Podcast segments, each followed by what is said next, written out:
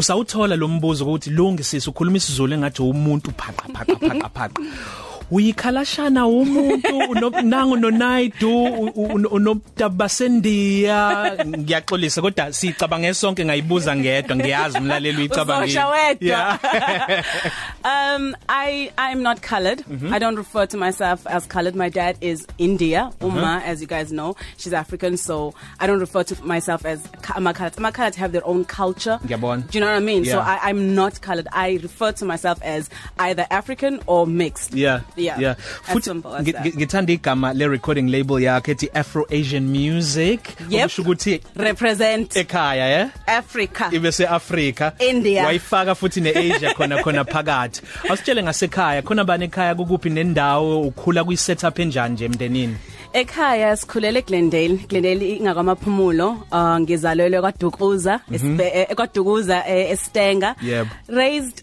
my entire life spent my entire life la eKZN went to Shara's Kral secondary school mm. uh, I am KZN in and out Yeah. yeah and all I did was sing lo mbuzo ngawubuza uEmily Sunday sisanda kuqala lolu hlelo enyangeni ezintathu ezedlule kunengoma kaBrand ethi should i go should i stay Oh, wow. la khona ekhuluma ngokuthi yena noMonica kube kuke kwakhona isikhathi la khona beyinkunzi kwiindustry njengabesifazane Yebo. abaculi R&B Yebo.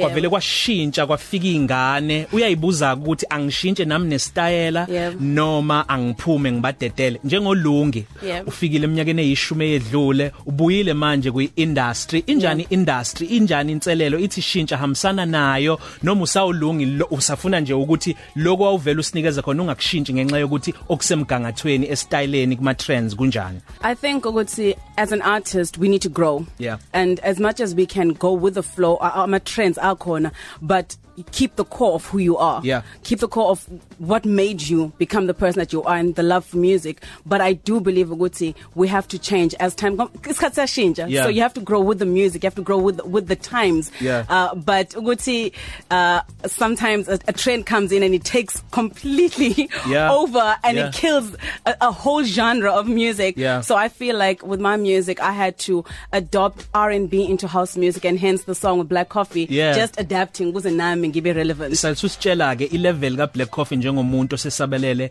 emhlabeni wonke jilele manihlele studio nicubungula ni brainstorma liyazwakala yini lelo zinga khona wakufunda yini kuyena Ngiqala ukusebenza no Black Coffee, ngangithi Black Coffee is just a DJ. Yeah. Kodwa masiya studio, Black Coffee started playing keys and started producing Wow. and started co-writing with me. Wow. He even sings on the song. Uh-huh. So I was I was shocked. I was completely shocked ngoba ngangithi he just DJs and maybe sometimes cuz some DJs have producers that do the songs for them. Mm-hmm. But U Black Coffee produces the songs, he co-writes the song, he structures the song and he, he literally uh, guided me through the whole writing of the song that I featured on the album. yakhe. So it was absolutely amazing. sihleli nodadewethu omuhle uPhumalanga Sikotho lungi nayi duthi ubuyele ekhaya kwaDukuza kanti useqaleni recording label yakhe entsha ethi Afro Asian Music kuzositshela nangengoma yakhe kanti sizoyidlala okokuqala ngqa la emsakazweni uKhozi FM siyabuya 19 minutes before 3 Eh, ngelinye ilanga ngiyofika kukhona uSel Beyond hey Shoma Jozi BET uh, E best newcomer sambongela siningizima Africa kanti kuzophinde kuqhamuke ezinye izinkulumo lo ngezithi hayi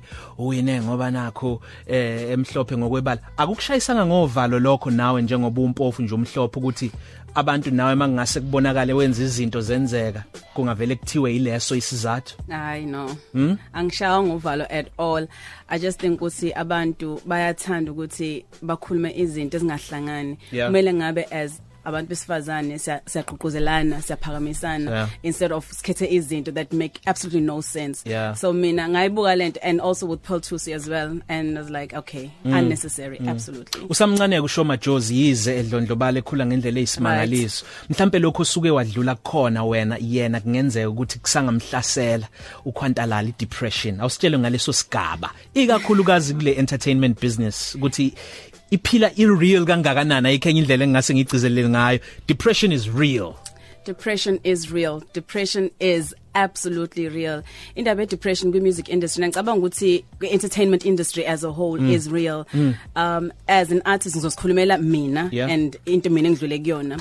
Um because of everything ebeyenzeka kumina ngomusic last year and the past 3 years ngisayine kwe- kwenye record company ngazithola ngisesimeni sokuthi izinto zami ngizenza aziphumeleli zonke azidlalwa ku radio az, az nje South Africa nje ak- akukho la mina Uthule nje, engisupportwa cimile. khona cimile ngize ngisupportwe eNigeria naseGhana naseKenya ingoma zami zidlalwe khona zingadlala ekhaya Yeah. ngathola ukuthi kanti ngivinjwe ngesimabomu Sure. egcineni and lonto le as a human being besides nje ukuthi ngiyacula as umuntu ophilayo ngoba umculo umsebenzi wami Yeah. and uma ngivimba angikhoni mina ukudla angikhoni ukuphila lonto yangiphatha abhlungu to a point where i became depressed ngazi ngabuya ngaze ekhaya njoba ngithi ngibuyele ekhaya kuzoqala phansi ngicabanga ukuthi ngangivele ngihambeleni ukuyocula and ngiyambonga uNkulunkulu ukuthi ungiphile amandla nomndeni wami abangihlanganyela ngakwazi ukuthi ngithola amandla ngiphinde ngisukume futhi ngiqalele phansi from the bottom ngicule kukulaphile kuba sekhaya kubuyiselo yalongi mhlawumbe ubuyitshela ukuthi cishe wakulahlekela yebo ayikho enye indlela engayichaza that's exactly into eyenzekalayo salisitshela ke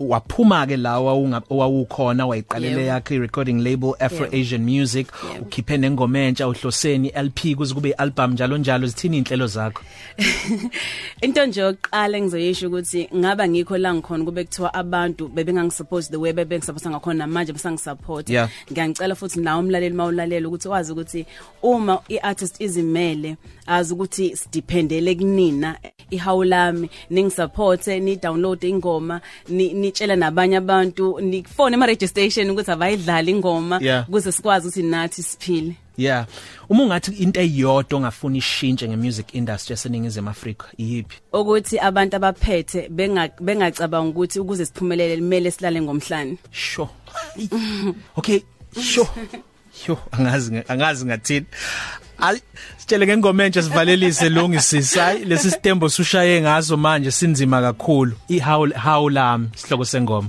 hawo lami ingoma eproducer umfana omncane wala eThekwini umthokozisi imtsomi ngiyabonga kakhulu ukuthi ungihluphe ngazi ngalalela sasangena e-studio ngiyabonga kakhulu it's called hawo lami lungi night fresh out of the oven first time ever ukhozi FM sibonge kakhulu sisi ukuhlala nawe utholakala kuphi ama socials athina ama handles akho at lungi night uh, Instagram Twitter and Facebook Sikhuluma isibusiso kwialbum semsebenzini wakho omusha sengazi ukuthi ungadlondlobala dadewethu na uhambe uzuye phesheya ube yisuperstar enemali ngiyabonga mina phileke sisi Phila kuwe Sithandwa sami Cela uhlale nami yeah.